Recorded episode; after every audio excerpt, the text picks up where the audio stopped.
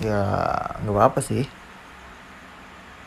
Mungkin lo tuh cuma terlalu banyak harap aja kayaknya. Coba deh turunin turunin hmm, expect ekspektasi lo gitu. Nggak usah halu.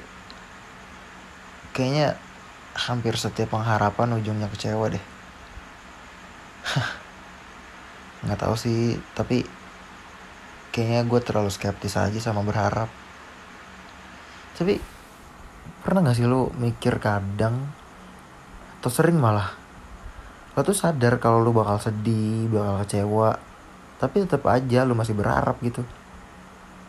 Lu nggak nurunin ekspektasi lu sedikit pun. Tabiat emang.